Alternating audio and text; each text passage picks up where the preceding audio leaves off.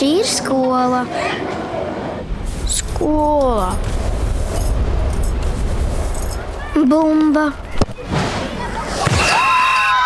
Bumba. Mājas. Mājas. Klases biedrene. Klases biedrene. Spēlēties. Spēlēties. Latvijā ir vairāk nekā 35,000 kara bēgļu no Ukrainas. Trešdaļa no tiem - bērni.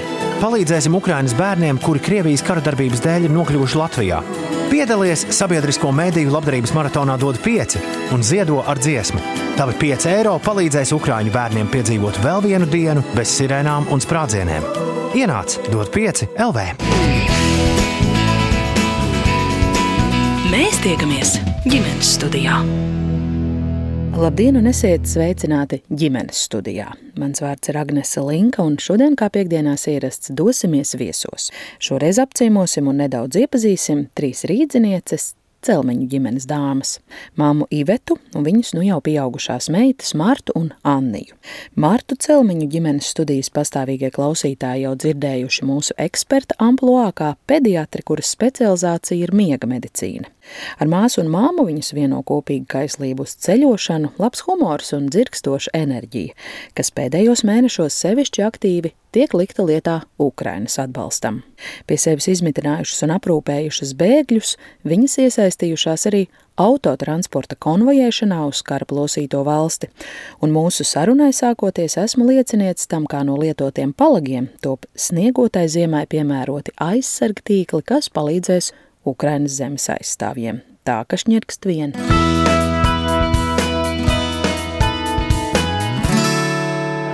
Rokas kustību. Ā, jums jau ir iestrādāta roka? Ja? Cik platu vajag? Šie ir palagi, ko mums ziedoja Bērnu Kliniskās Universitātes slimnīcas veļas dienests. Viena lieta ir vienkārši ieteikt kaut ko sociālos tīklos, otra - paprasīt personīgi. Mums vienkārši vienā dienā, es domāju, piezīmēšu uz veļas dienas, paprasīšu, vai jums nav palagi. Viņa teica, ir. Un viņa teica, jā, protams, labprāt. Viņa man piekrāmēja pilnu mašīnu ar uh, norakstītajiem palagiem. Un turklāt viņi bija palūguši arī Lindo grupai, kas arī deva krietnu artavu. Tagad mums ir ļoti daudz smagu maisu, pilni ar baltiem palagiem. Daļu aizvedu uz savu korporāciju, studentu korporāciju Daugavieta. Un, uh, Manas uh, māsas no korporācijas arī ļoti labprāt iesaistās. Es atstāju korporācijas dzīvoklī visus tos maisus. Viņas tagad uh, nedēļas laikā nāks katra paņemt kādu gabaliņu, mājās griezīs, un tad nākamā nedēļa mēs visi tiksimies kopā korporācijas dzīvoklī un uh, taisīsim maskēšanās tīklus ziemai.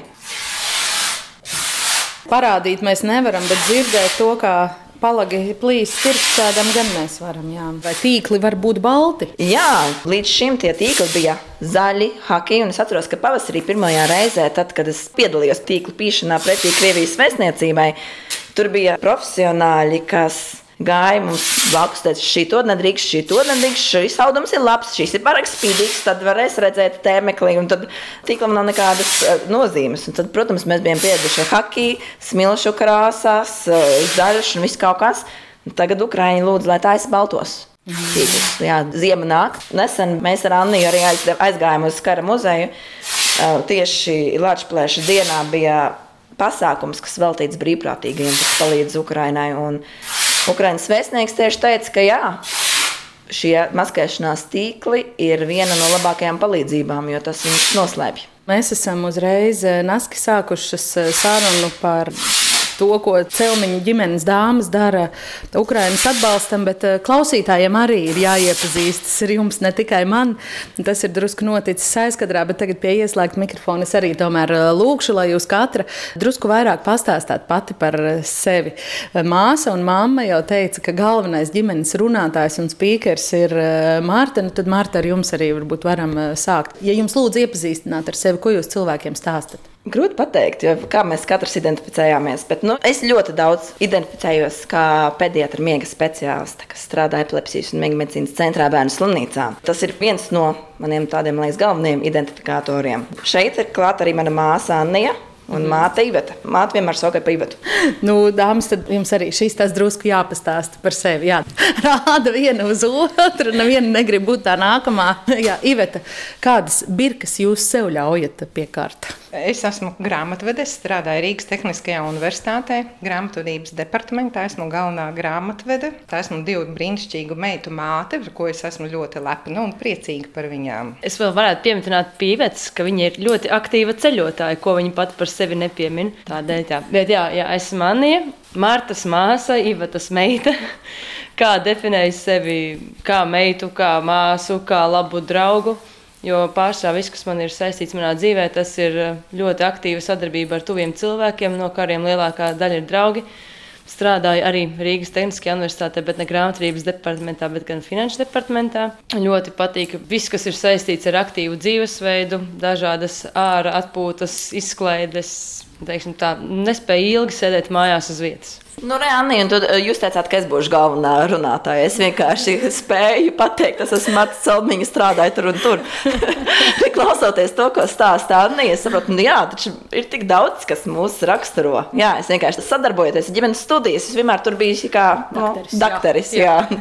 Tas man tā, tā liekas dīvaini. Bet ko tad vēl jūs stāstītu par sevi? Domāju, Ārpus doktorēšanas. Ārpus arī tieši tāpat kā Ivetai. Tas gan nav iedzimis, nu, ceļošana ļoti. Nē, tas tev ir iedzimis no manas māmuļas. Jā, Jā. Jo, jā, jo mana māte stāsta, ka viņai ļoti patīk ceļot un ka tas viss ir no viņas iedzimis. Jā, tā kā mums visām trijām celmiņām ļoti patīk ceļot, ļoti patīk dejot. Jā, tā tad ceļošana, dejošana, kūku cepšana, kūku ēšana, iešana, staigāšana. Aha, jūs arī esat no tām staigātājām? Jā, mēs esam no tām jā, no mūsu meiteņu grupiņu nosaukt par staigulēm. Jā, jā, tāpēc, ka mēs jā, tā kā esam pārnogājuši gari visu Latvijas jūras robežu, jā, un 15 km Igaunijā, no tā kā gari visu krastu līdz pat uh, Lietuvai ieskaitot ideju. Jā. Es domāju, gana daudz tādu ir, kas izmanto brīvo brīdi, jā, un iet gar jūru par mežiem, par mežā, meža takām, jā, un bauda. Tas ir tas, kā mēs ar draugiem sākām doties pārgājienos. Latvijas izaicinājums sākās Covid. Mums bija jāsēž visiem mājās. Un tad gribējās kaut ko darīt, un draugi sāka organizēt pārgājienus. Tad mēs uz turieni braucām katrs savā mašīnā. Es atceros, kas vēl ļoti, ļoti. Cits teica, braucam kopā. Es teicu, nē, nē, nē. Kāds būs skats, ja es kā ārsts braukšu, braukšu kopā ar jums visiem. Tas īstenībā vienreiz ļoti labi atmaksājās, jo tad tajā mirklī nebija man šķiet aizliegumu. Bet tik un tā man bija paredzēts ceļojums kopā ar abām celmiņām. Un ceļojums ļoti ilgi gaidīts. Senegāla Gambija, un šis ceļojums tika pārcelts, man liekas, vienu vai divas reizes Covid dēļ. Un tad tagad beidzot tas ceļojums notiek, un tad, protams, jābūt veselīgam. Bet man ir vienmēr tā, ka es stresa dēļ saslimstu. Ja? Es kaut kādas četras reizes nebiju ceļojumā, jo es saslimu. Divas no tām es biju slimnīcā. Nu, lūk, un tagad mums ir tas pārgājiens paredzēts, un tad uh, draugi iepriekšējā naktī ir patusējuši. Es domāju, nu, varbūt es braukšu kopā ar viņiem, aizliegumi beigušies, ko tad man zaudēt. Kaut kādā mirklī naktī pirms braukšanas padomāju, nē, nē, nē, labāk drošības pēc pati. Aizbraucu pati. Un, jā, pirmdienā man zvanīja draugi, saka, viņam ir covid. Man uzreiz jau piemetās psihogērais covid. Tajā mirklī, kad es to zināju, man sāka sapēt kakls, laust kauli un viss kaut kas. Nu, par laimi, ne- nekāds covid man nebija, man tikai bija stresa covid. Jā, un ceļojums neizpalika. Ceļojums neizpalika pa, pa, pa. Tas būtu ļoti bēdīgi citādāk. Eh, Jā, interesanti, ka mēs runājam, bet jūs visu laiku darbojaties. Un, ja agrāk ģimenes studijā, vēl pirms Covid, mēs eh, kopā ar dažādiem cilvēkiem taisījām ēst, darbojāmies eh, virtuvē, tad šobrīd jā, tas, ko jūs darāt, viens palaks ir saplicināts strēmelēs, un tagad ir jāiegriež tādi rombiņi, kā to var nosaukt. Tā kā strīpiņus, tādas skrandiņas, sataisa to garo stērbeli skrandiņās, acīm redzot, vienkārši, lai labāk plivinājās vējā, no tāds, lai būtu tāds sniega imitācija Mhm. vējā. Bet šīs ir citādākas skandīgas. Tad mēs paņemam, sagriežam 7 cm garu strēmeli, norājam, un tad tādā platumā, platumā, platumā, pardon. Nav, nav gan stiprā. Jā, tas ir vēl viens veids, kā varētu mūs raksturot. Viņam patīk ņirgāties pa mani. Nu, ja viņas abas tās tehniskās, un uh, jūs vairāk, es nezinu, kā varētu teikt, medicīniskā. Tehnisko universitāti. nu, jā, nu tā, tāpēc es tā Nu, jā, saku. tātad 7 cm platumā nu, eh, nogriež strēmeli, un tad tajā strēmelē tādā tā kā skuīmi. 45 grādu leņķī iegriež 7 cm platas strīpiņas, kuras neizgriež līdz galam. Un otrā pusē arī. Lai tā tad redz abās pusēs tehniskais cilvēks. Lūdzu, redzi, šādā veidā.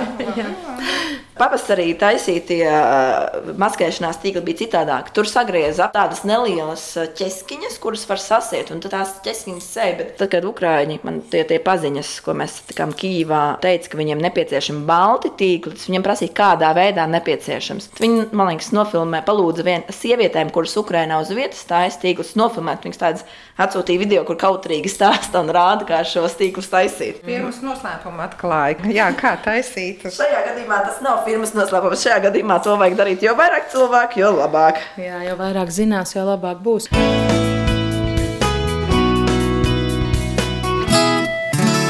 Kā vispār eh, sākās tā jūsu iesaiste Ukrāņu atbalstā? Pie visa vainīga Marta ir. Godīgi sakot, es tiešām nezinu, kāpēc tā Marta bija iedomājusies, ka es bāršos vai neatļaušu, jebšu vēl kādā veidā, jā, bet viņa paziņoja, ka viņa brauc konvojēt eh, mašīnas uz armiju. Un, protams, es biju tikai par un priecīga, un arī nākamajā reizē mēs ar Anniju arī abas divas, un tā līdz ar to mēs arī sākām tādu tradīciju, vai nu visas trīsas, vai es ar Martu, vai es ar Anniju, vai Annija viena pati, ja, kad ir brīvais laiks, tad mēs braucam un konvojējam mašīnas uz Ukrainu, uz Ļuvivu. Vienreiz ar Martu mēs bijām arī uz Kijivu. Tad mūs arī uzņēma Ukrainas brīvprātīgie, izrādīja irpeņu, bijām Bučā, bijām Gostomeļā, apskatījāmies Mriju, pareizāk sakot to, kas no tās Mrijas ir pāri palicis, Ruslānu. Tad mēs bijām aizvesti arī uz poligonu, kur mums parādīja, kādā veidā tiek eh, šķiroti, atrastie lādiņi, jā, ieroču lādiņi tur un kā viņi tiek deaktivizēti un tā tālāk. Jā, un tad mums bija arī trīs stundu apmācības, kur kara ārsts viņš bija, ja, Marta? Nu jā, kara ārsts, kur mūs apmācīja, kā Apturēt asiņošanu. Apturēt asiņošanu, jā, trīs stundas, jā, un kādi ir žņaugu veidi, kādi ir labi, kādi ir slikti. Tad pastāstīja mums, kā 30 sekundžu laikā apturēt pašiem sev asiņošanu, jo, ja to neizdara, tad, teiksim, varētu zaudēt samaņu un tad nosiņot un nomirt. Kā to izdarīt sev uz rokām, kājām, kā to izdarīt otram, kā vest no kara laukā ārā, kā apstādināt asiņošanu uz kakla, cirksnī, kā arī trenējamies uz manekena. Nu, tā tad katrā gadījumā ļoti interesants un vērtīgs brauciens bija tāds. Mm -hmm. Tas tas slavenais Twitter konvojs. Twitter konvejs kopā ar agendu. Mēs vienkārši braucam. Mēs vienkārši vadām mašīnas. No Twitter konvojs ir Reinis Pozņaks, Jā. bet uh, mūsu konvojā ir Margarita un Ukrainas Denis Hemenko. Mēs esam liela tā Denisa fānes, jā, jo tik nesautīgu. Es pat nevaru izstāstīt vārdos par to cilvēku, kā viņš visu sevi ziedo dienām, naktīm, braucot, strādājot un rūpējoties par cilvēkiem, kas arī mēģina palīdzēt Ukrainai. Jā, cepurnos šāda cilvēka mm. priekšā. Marta, kā tas sākās toreiz? Bail bija teikt mammai, jo mamma jau loģiski varētu iebilst, ka meita brauc uz kara zonu. Ko, ko es varētu zināt, man pašai sākumā bail, bet um, es ļoti daudz parasti sociālos tīklos nemēdzu likt lietas, bet Ukraiņas ziņā sāku likt tieši Ukraiņas dēļ, jo um, mani pašu iedvesmoja mani kolēģi, piemēram, kolēģi Dace, kura pati sāka braukt un lika iekšā Facebookā bildes, kā viņa brauc. Un domāju, sieviete, ārsts, un tiešām cepuri nost. Un pēc tam arī iedvesmoja arī kolēģi Dana Isārova, kur ļoti daudz runā par Ukrainu un praktiski caur Danas to ierakstu redzējām. Sākumā bija meklējumi ziedojumus. Tad mēs Aniju kopā sataisījām kaut kādas trīs vai četras kastes. Kādiem, tur bija rieksti, kafija, medus, pārtika. Bet nu, tieši ne tādi grīķi un tā, bet uh, lietas, ko bija lūguši ārsti atvest, kaut kādi saldumi, kafijas tējas. Un tad sākot runāties viņa teica, nu jā, mēs braucam, pievienojies. Viņi man aicināja, aicināja, es nekad netiku un vienreiz es tiku. Tad es aizbraucu un ļoti nogurdinošs brauciens. Es nekad mūžā neesmu tik tālu uh, sēdējis pie stūra. Anna smaida, jo parasti es esmu blakus sēdētājs. Viņa vēl man sākumā jautāja, kā man liekas, vai vispār viņa spēs izturēt Jā. šo ceļu, vai viņa spēs nobraukt. Jā, nu, bet laikam Annijas atbild bija pozitīva. Citādi, ja Anna man pateiktu, Marta, tu to nevari, tad es visticamāk neaizbrauktu. Pēc brauciena tā sajūta, es biju pārgurs, mēs visi bijām pārguši, bet tā sajūta bija tik pacelājoša, ka, nu, es zināju, ir jābrauc vēl. Un tad kaunīgi atzinos mātei, kas es tur biju, saka, tu ko? Kāpēc tu mani nepasauci? un tad arī es uzzināju, ka praktiski katru piekdienu notiek šis, šis brauciens uz Ukrajinu. Un mēs jau tā ar māsu un māti izdomājām, labi, mums ir brīvi tie, tie, tie datumi, tad arī mēs varam braukt. Tas man liekas, sākumiņš. Un pēc tam jau arī saturs, ka man kolēģi daži pateica, nu, tu jau esi bijis divas reizes, varbūt pietiek. Nē, vajag vēl. Es esmu bijis četras reizes, Iveta arī četras, un Anna jau sešas, laikam, jā. Mēs neesam sešas, jums ir pa četrām. À, nu jā, jā. Tad jūs nebraucat vienmēr reizē, visas ir bijis arī tiek? tā. Kā kura tiek? Jā, citreiz mēs esam vis, visas trietā bijuši, citreiz es tikai ar Mārtu, citreiz tikai ar Anniju, un citreiz tikai Annija viena pati ir bijusi. Jā, citreiz Marta viena pati, jā, bet brauciens nav viegls, tāpēc, ka mēs sākam apmēram 4-5 pēcpusdienā piekdienu, braucam um, principā visu nakti, pulkstens no 3 līdz 4, nu, kaut kādu stundu, pusotru atļauj tikai pagulēt, nu, un tad no rīta atkal, nu, kā tajos 4 celies pēc tās stundas gulēšanas, un atkal pie stūres, un, un tā, kamēr arī tiek pāri robežai, un pats trakākais vienreiz ir bijis, kad Polijas Ukrainas robeža mēs šķērsojām piecas, nepilnas piecas Tikai stundas. Polija bija vien četras jā, tik, stundas. jā, Polija vien bija tikai četras stundas, jā, jo nevienmēr tie poļu robežsargi ir atsaucīgi un, un pretimnākoši, un reizēm liekas arī, ka kāda brigāde atbalsta Putinu vai kā, jā, jo, teiksim, visāds iegans izgudro tikai, lai tās mašīnas pāri robežai nelaistu. Starp citu, tā bija Annijas dzimšanas diena. Annija pavadīja savu dzimšanas dienu, vadot mašīnas Ukraiņas armijai. Tieši pusnaktī. Tieši pusnaktī mēs pārbraucām pāri no Polijas uz Ukrajinu. Tā bija tā reize, kad mēs visi trīs arī braucām, jā, tā skaitā, un pēc tam atpakaļ ceļā, tā, kad jau bija mašīnas nodotas vienā benzīna tankā.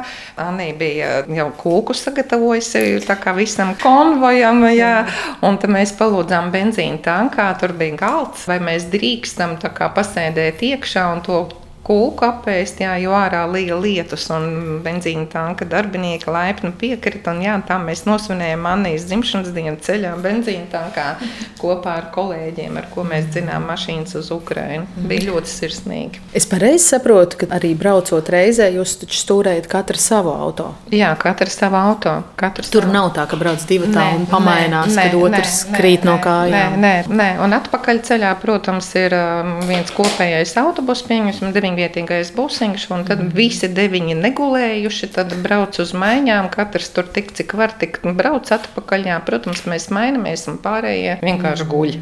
Ja var pagulēt, jā. Nu, māma jau izstāstīja par to kara ārsta novadīto nodarbību vai lekciju. Varbūt eh, jūs varat arī padalīties, kas jums ir palicis kā spilgtākais, es nezinu, nu, satraucošākais pieredzes, kas tur ir redzēts. Mans noziedzīgais kratīšanas eh, notikums bija tā, ka vienā braucienā nepietika vietas busiņā, lai nokļūtu pārkļūt pāri robežai no Ukrainas uz Poliju. Robeža nedrīkst šķērsot ar kājām. Mūsu jau polijas pusē viens busiņš sagaidīja, kas mūs visus aizvest mājās, tos pārpalikušos cilvēkus. Nu, lūk, un tagad Denis mums prasa, tā man vajag piecus cilvēkus, kuri ar mieru ir sēdēt nevis ārā busiņā, bet nu, pāri robežai tik kaut kādā citā veidā. Mēs esam ātri uzreiz, uh, rokas augšā pacēluši. kāpēc? Nezinu, piedzīvojums. Dzīvojums, jā.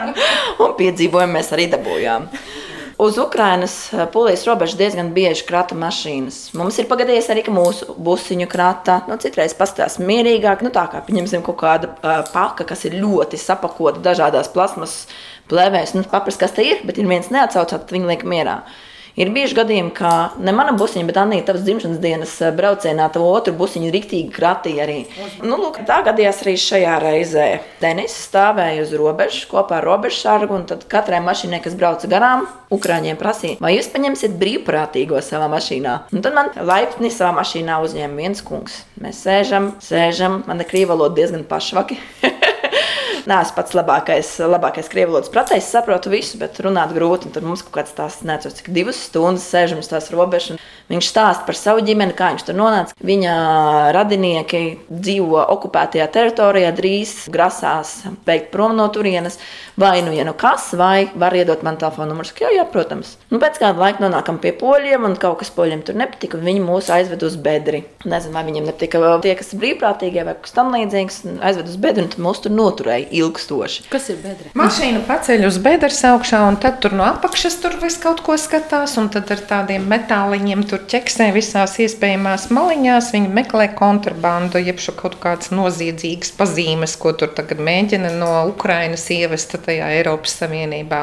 Jo mašīnas ar Eiropas Savienības numuriem tā nē, bet tā kā tas Ukrainas, tad viņiem liekas ārkārtīgi aizdomīgs tas numurs, un tad nu, tā kā vajadzētu tagad pastiprināti izpētīt šo mašīnu. Mm. Nu, lūk, mēs nosēdējām kaut kādas divas, trīs stundas, man liekas, uz bedres. Ja Anijas mašīna, Anijas autobusu robežu šķērsoja pirms 12. pusnaktī, tātad pus 12. Es ar savu Ukraiņu šķērsoju robežu apmēram vienos, tāpēc, kad Ukraiņas tā kā ilgāk mm -hmm. marta pusē piecos no rīta. Nu, lūk, un tad, protams, bija ļoti, ļoti nepatīkama sajūta, bet tas kungs bija tāds ļoti jauks un tāds vienmēr savaldīgs. Un uh, beigu beigās, pēc dažām dienām, man tagad zvana kāds nepazīstams numurs uh, Vācijā un saka, hei, es esmu Sergejs. Es domāju, kas tas par Sergeju?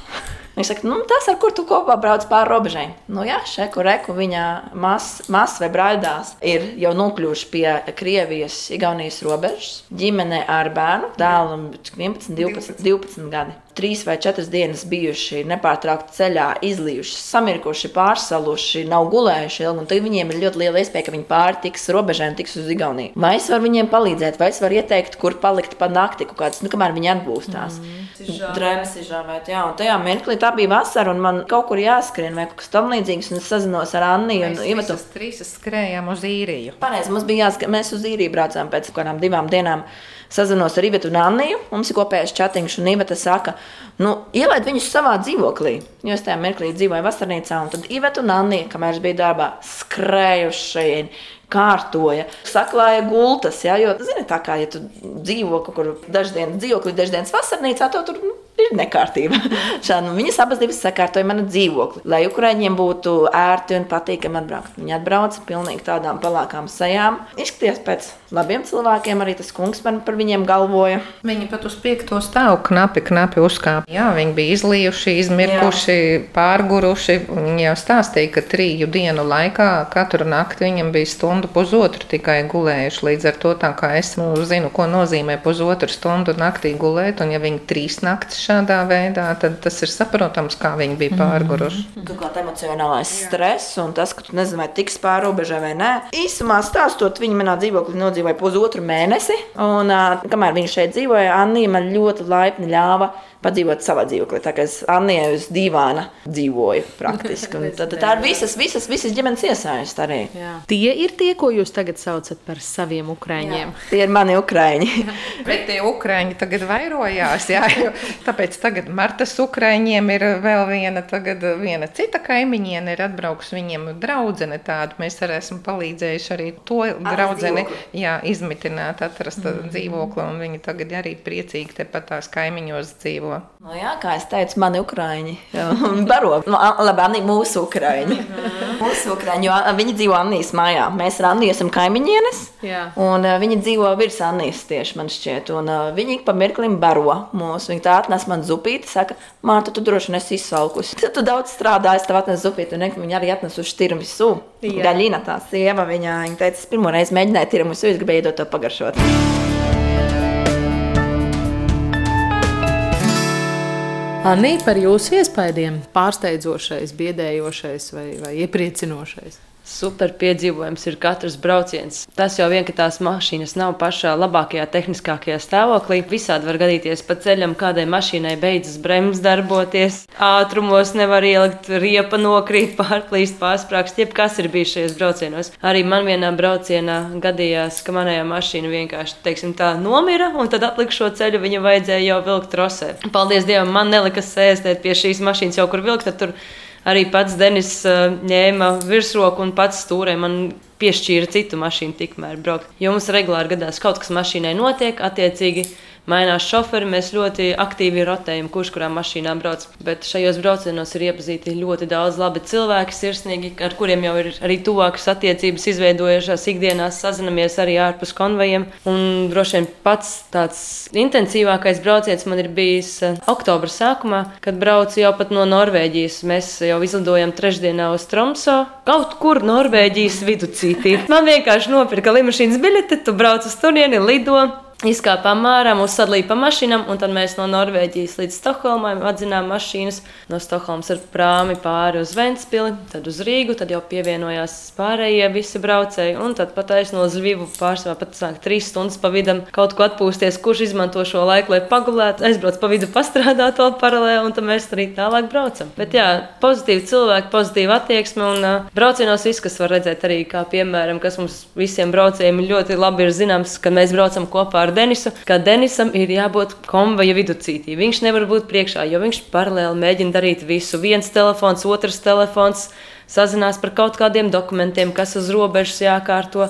Nav gan īsti pareizi to teikt, ja šo klausās ceļu policisti. Bet, uh, tā gan Cerams, ka ne Latvijas ceļu policija. Nē, nē, nē, nē, nē. Latvijā viss notiek mierīgi un pēc noteikumiem.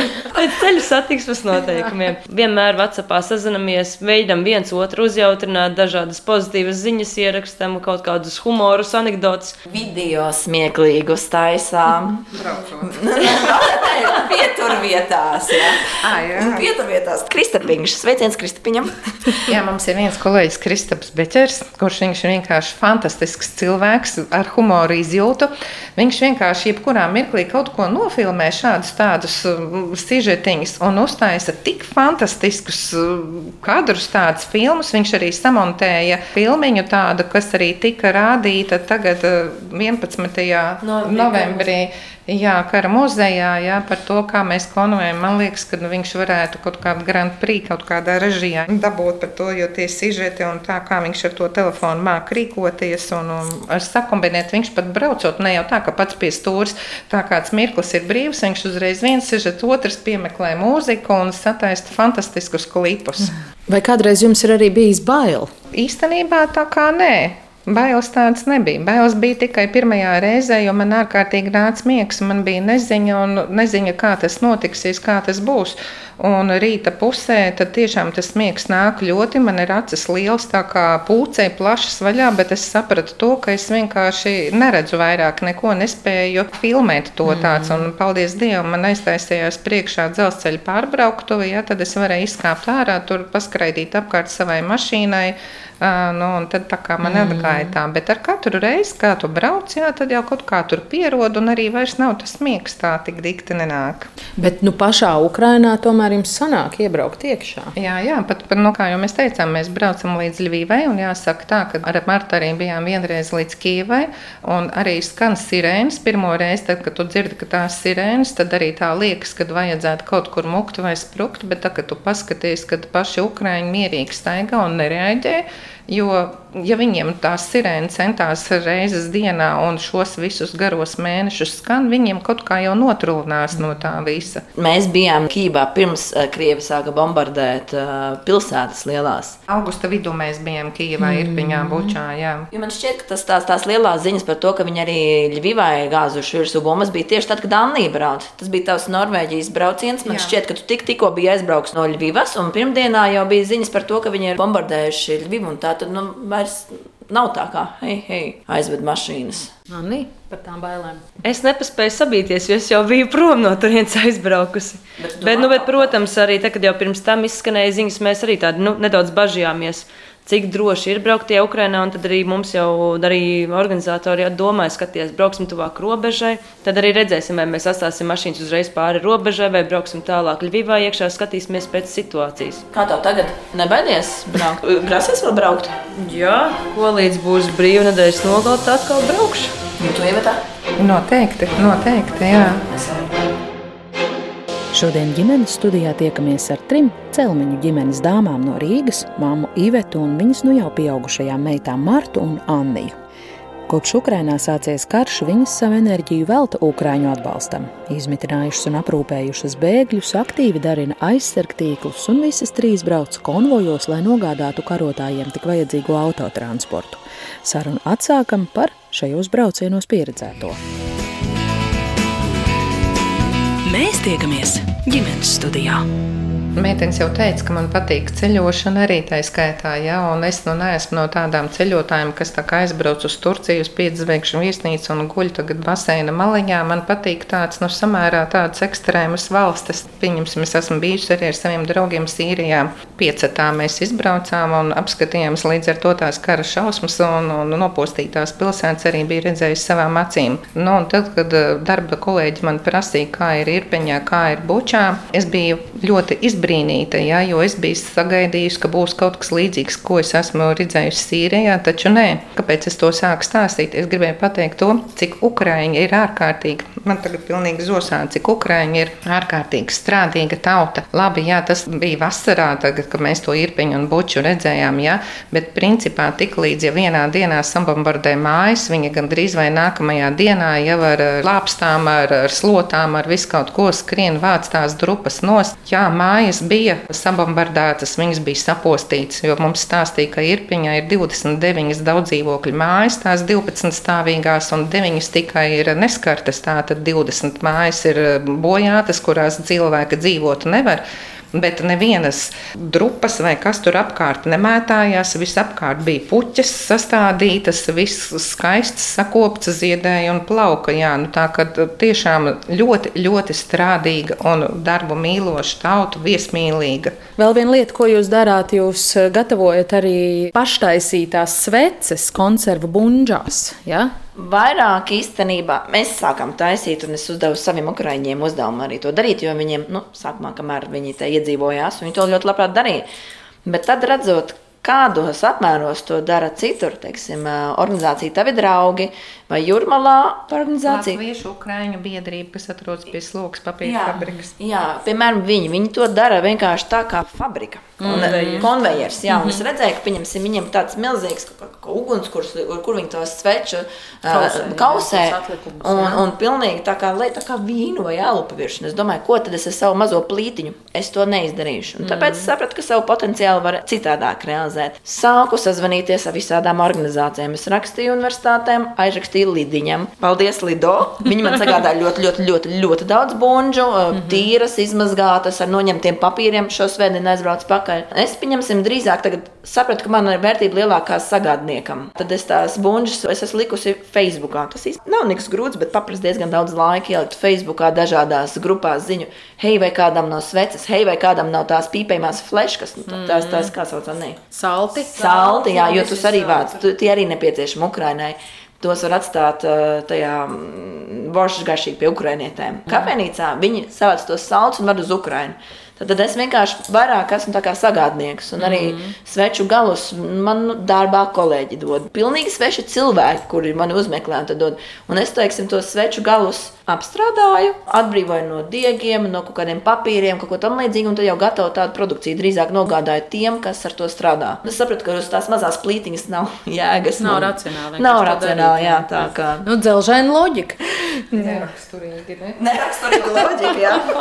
Arī mūsu kaimiņi iesaistās palīdzībā un gādā bunčas, jo es nezinu, kurš no maniem kaimiņiem, bet regulāri man pie durvīm parādās kāda tukša izmazgāta bunča. Arī šodien viena bija jau. Paldies tam kaimiņam. Tas tā kā slepenais draudziņš, jā, slepenais pielūdzējs.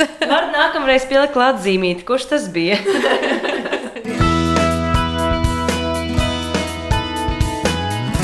Varbūt mazliet par jums pašām es drīkstu vēl pavaicāt, vai jūs esat rīdzinieces? Jo te tā ļoti interesanti.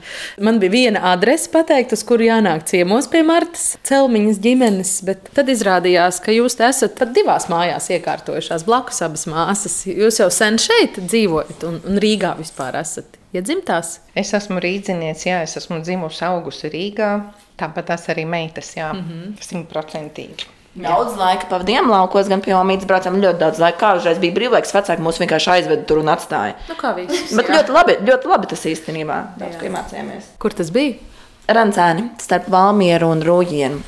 Tā nomītē bija māja. un Tad, man liekas, tā bija ļoti jauka pieredze. Varbūt druskuļi pietrūka bērnu un pagalma un tam līdzīgi. Bet citādāk, man liekas, tas ir jauka pieredze. Anī māja ar galvu. Jā, bet meitenes reizēm pārmeta, man, kad mēs esam pa viņas pa stingru audzinājuši, jā, kad nu, tā kā varbūt tās neļāva tur gurķoties, veļoties un tā tālāk, jā, jo viņas gāja mūzikas skolā un tad viņas gāja dejošanā un tad vasarā brauca strādāt un mēs vienmēr strādājam, strādājam, strādājam, jā, un tā, ka varētu teikt, darbs mīl mūs un mēs mīlam darbu. Un tā jau laikam ā, izaug ā, tie jaunie ārsti, talantīgie, kas brauc apkārt pa pasaules konferencēm. Jā, bet, ja godīgi, lielākā daļa no cilvēkiem, ko es esmu satikusi, kas darbojas Ukraiņas labā, lielākā daļa ir ļoti izglītoti, ārkārtīgi aizņemti cilvēki. No vienas puses, nav tā, ka viņiem ar brīvo laiku varētu svaidīties, bet man liekas, ka tā vienkārši cilvēku suga tāda, kas šo visu dara. Jo vairāk strādā, jo vairāk var Jā. padarīt un māks savu laiku menedžēt. Jā, kaut kādā veidā sastāv. Un tie, kas neko nedara, tie arī, arī neko nevar padarīt, tāpēc, ka nu, vienkārši viņi neko nedara. Jā. Jūsu meitenēm ir maza vecuma starpība. Marta man iepriekš teica, ka viņas ar māsu esat mācījušās vienā klasē, bet jā. nav dvīnes. Nav dvīns, jā, viņām ir gads un desmit eh, starpība. Jā. Nu, tā nu sanāca, ka Danija zem galda sēžot, iemācījās lasīt, kad es mācīju Martai. Tad, kad es Martu veidu sagatavošanas klasi, Marta bija klasītē, kopā ar visiem bērniem mēs ar Anneju ārpus eh, klases gaitenī sēdējām, un tad skolas direktora, tā bija Mešcīma sākuma skola, вписувала. Un tā arī teica, nu, kāpēc tas bērniņš sēž tagad tur tāds, nu, ja jau tur jāsēž, tad nu, vienkārši lai pasēž kopā ar pārējiem bērniņiem. Nu, tad arī tā pasēdēja kopā ar pārējiem bērniņiem. Principā viņi arī bija sēžot, arī iemācījusies to pašu, ko tie pārējie bērniņi.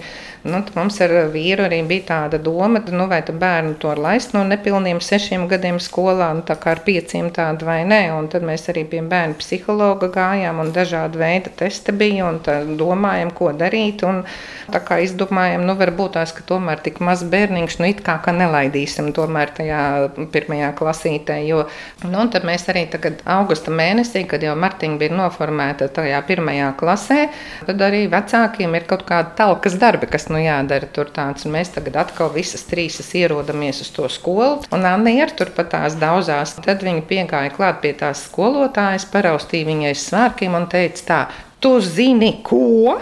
Man ļoti gribās mācīties. nu, un tā skolotāja, kas viņa plānīja, nepazina, viņa viņai tur lūdza, lai tur palasa kaut ko, nu, tā kā tur pārbaudīja viņas zināšanas, un visi finālā nosprieda, nu, lai jau bērniņš nāk, nu, paspēlēties, nu, kāda atšķirība, kurš sēž kurā durvju pusē, gaitenī vai klasē. Un tā viņa arī pusgadu pirmo nomācīja, nu, nosēdēja, un otrajā pusgadā noformējām dokumentus. Nu, tā sanāca. Nu, jāsaka tā, ka tas ir kā koks ar diviem galiem, ja, jo tika nodarīts pāri Martai šādā veidā. Jā, īsti labi nav, jā, bet uh, varianti arī nebija. Bija jākrāmējās ar to mazo māsu visu laiku, ja tādā ziņā. Jā, tieši tā, jo tā mazā māsa ārkārtīgi daudz palaidnības darīja. Un, bet, nu, laikam, tā mazā māsa iedzimusi mātē bija, kur nemazāk to palaidnību darīja. Un tēvs arī tāds pats bija. Un mums viss ģimene tāda aktīva uz palaidnībām, uz darbu un uz aktivitātēm. Nu, labi, tu, Salīdzinoši mazāk. tu mācījies sūdzēties. Nē, nu, tur jau tur gāja ar tām meitenēm. Jā, tur bija tad ieviest arī, tad, kad Martiņa nāca. Nu, tas tā kā nav priekš intervijas. Jā, bet, Ar šo parasti sāks visinteresantākās lietas. Nē, nē, nu jā, vai. Tad Martiņa sūdzējās, sūdzējās par to. Es saku, nu, uzrakst sūdzību grāmatu tādu. Nu, Marta arī rakstīja tādu sūdzību grāmatu, bet man tik šausmīgi žēl, ka es to burtnīciņu tādu pazaudēju, jo viņai tur tā kā virsrakstiņā sanāca sūdību grāmata. Tas viens burtiņš tur tā kā pazudot. Anī, kādas jūsu atmiņas par to skolā iešanas laiku? Pirmās klases īsti neatceros. Atceros, ka es biju bosiks un mēģināju kauties ar ā, kaut kādiem vecākās klases zēniem. Un tas bija ļoti bravūrīgi, ka esmu viņus uzvarējis, bet viņi kā vecāki vienkārši neuzdrīkstējās sist mani kā tādu sīkaļu. bet um, es godīgi sakot, priecājos, ka tā varēja būt savādāk. Mēs varējām iet katrs savā klasē. Bet, um, Pēc 9. klases, jau kad mēs aizgājām tālāk mācīties, mēs bijām paralēli klasēs. Tad mums arī vairāk parādījās katrai savs jau draugu lokus, aktivitātes, intereses, jau vairāk attīstījās citas. Un, Nu, Protams, ka mēs bijām drusku lielāki, tad bija grūtāk. Tad jau parādījās kaut kādas, nezinu, 7, 8, 9 klase. Bet nu, tā līdz tam es vienkārši to uztvēru kā pašsaprotamu. Jūs uh, Agri zinājāt, ka būsiet ārsts?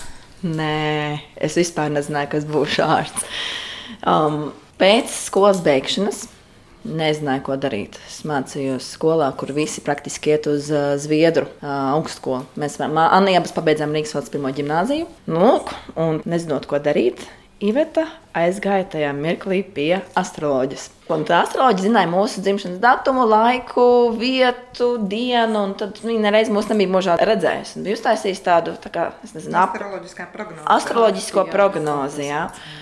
Nu, un Iva atnāk mājās, un tur, tur stāsta, un saka, jau šis sakrīt, šis sakrīt. Es neteikšu, ka es tam ikdienā ļoti ticu. Ir ceļš pēc medicīnas mācīšanās, es esmu iemācīta racionāli domāt.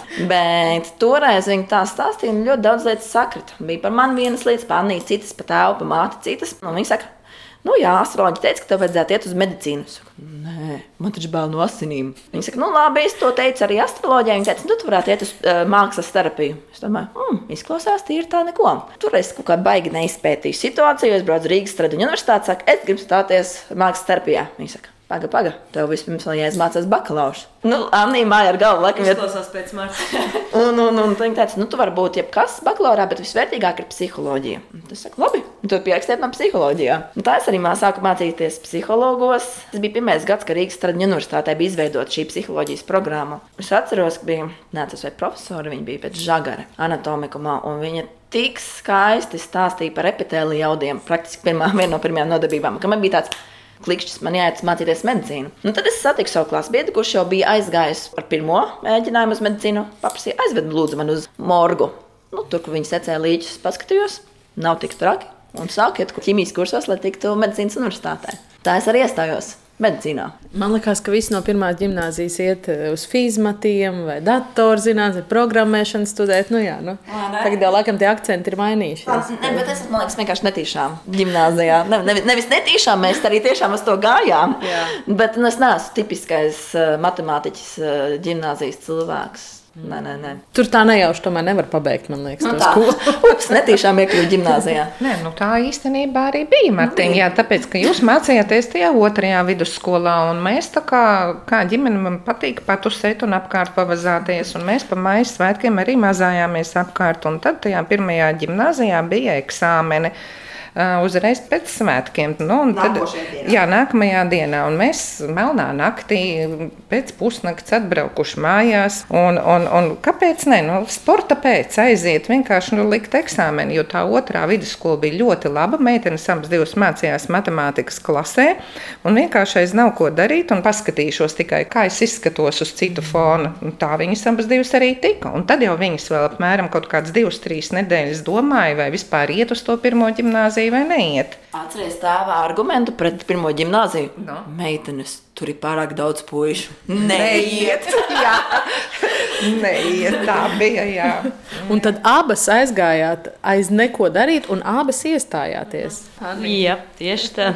Un kur jūsu ceļš aizveda pēc 12. Eh, klases? Tad es aizgāju uz banka augstskolu, kur izmācījos gan bakalaura, gan maģistru finanšu vadībā un analītikā.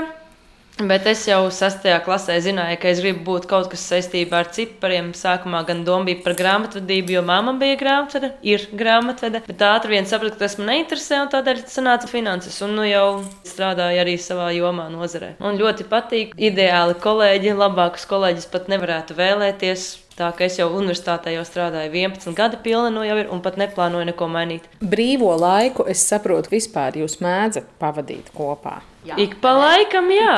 Kaut vai piemēram šie paši Ukraiņas braucieni, vai savācamies pie māmuļus un uztaisam kādu pikniku dārzā ar draugiem vēl kopumā, vai vienkārši kaut kur izbraucam pie dabas. Ceļojumos kopā braucat. Jā, šogad, piemēram, bijām kopā ceļojumā uz Senegālu un Gambiju. Īrijā, vēl, Īrijā mēs bijām kopā trietā. Mēs vēl laikam tāds rautījums Amerikā, trīs nedēļu Amerikā. Skotija. Skotija. Par Eiropu tad jā, tā kad Eirotrips bija no kādas sīkās, kādas sīkās, vai ne, to augstskolā mācījies. Sīkā, sīkā Marta mācījās augstskolā, un mēs ar sīko Anniju braucām tev pakaļ, jā. Mēs esam pa Igauniju arī braukuši sāremā, un tad ar Anniju uz Poliju, un, un uz Baltkrieviju, un Ukrainu, Ukrainu jā, Ukrainu, nu tā. Un es esmu ļoti priecīga, ka meitenes mani katru gadu aicina uz laiva braucieniem, jo principā laiva brauciens meitenes organizē nu sava vecuma ļaužiem, ja, un es esmu pieaicināta klāt, un tad, lai man nebūtu garlaicīgi, tad vēl viena mana vecuma dāma tiek pieaicināta klāt. Māmuļa mūsu draugu kompānijā ļoti labi iedras, un arī draugi pārsvarā visi viņu saukā pa māmuļu. Jā, jā tad, un tad vēl tāda citreiz smieklīga, tāda, kad meitenes saka, nu viņas uz turieni vai uz turieni kaut kā tur ies vai darīs vai nāks vai kā vai pie manis.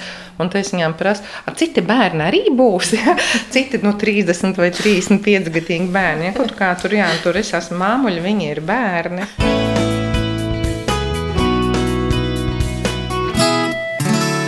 Klau, drusku vēl pie tā Ukrainas jautājumā atgriežoties, eh, šī gada dod pieci, kā mēs zinām, veltīts Ukrainas eh, bēgļu bērnu atbalstam.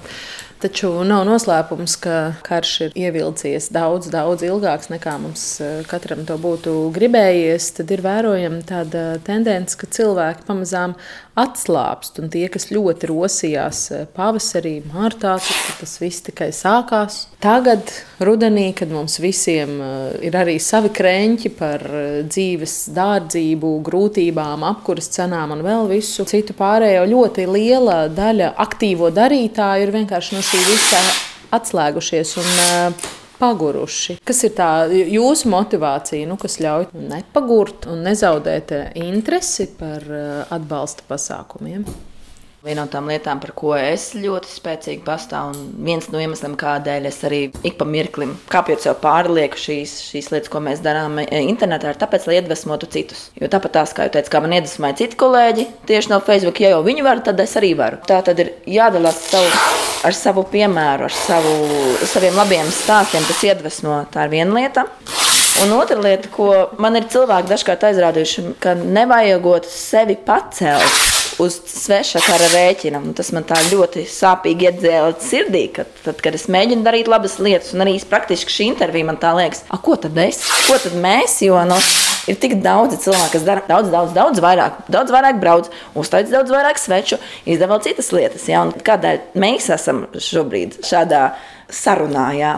Šis vienkārši šis nav svešs karš.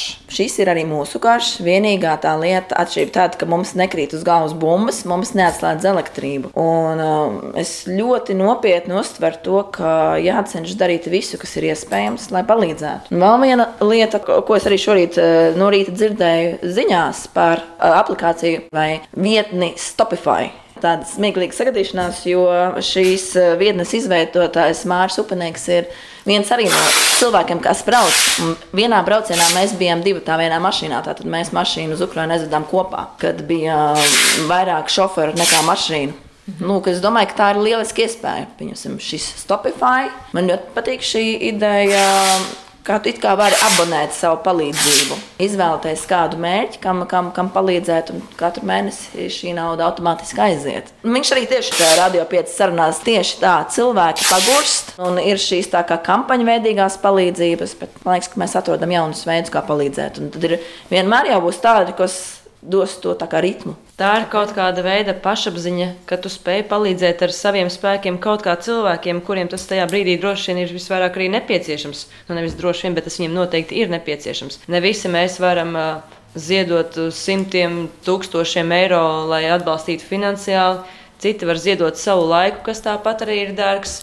Citi var sēdēt mājās, gatavot tīklus, katrs palīdz kā var. Un arī tas, ka draugi iesaistās, draugi atbalsta, kaut gan nevar piesim braukt vai nevar darīt citas lietas. Katrs atrod veidu, kā palīdzēt, un viens otru mēs mudinam kaut kādā veidā palīdzēt. Jo noteikti arī zinot, cik uh, Ukraiņu tauta ir atsaucīga vispār ar tiem ukrāņiem, kuriem nācies uh, saskarties. Ja mums būtu kas tāds noticis, es domāju, ne tikai viņi, bet arī vēl citas tautas iesaistītos un nāktu mums talkā. Tas arī ir tāds tā kā motivators. Nu, man iedvesmo arī manu vecāku stāstu, vai neteiksim par to, kā mana mamma, pieņemsim, okupācijas laikā dzīvoja, kā tas viss izskatījās. Un, protams, es simtprocentīgi piekrītu visam tam man izteiktam, jā. bet man bija tā jocīgi, kad man draugi prasīja tā, ja būtu tagad karš pie mums Latvijā, nu, tas, tas vīrietis teica tā, es tad, tad ņem ņemtu un muktu projām. Es tur tagad ātri ar žigliņām un uz, viņš sauc valsts, es negribu nosaukt kādu. Un viņš saka, ko tu?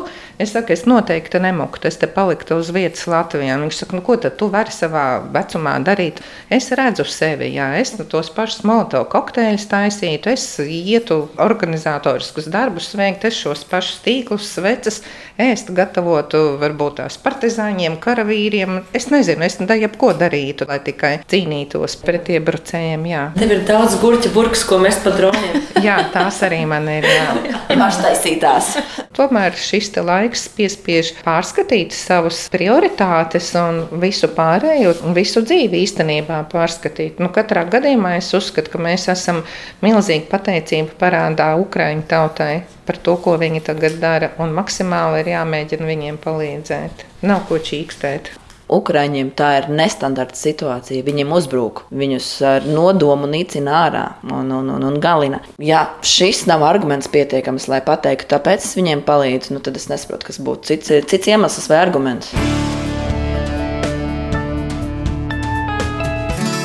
Šodien ģimenes studijā tikāmies ar Martu, Anniju un Ivetu Celmiņām. Ar viņām sarunājos es Agnese Linka un par raidījumu tapšanu gādāja arī Ilza Zvaigzne un Nora Mītspapa.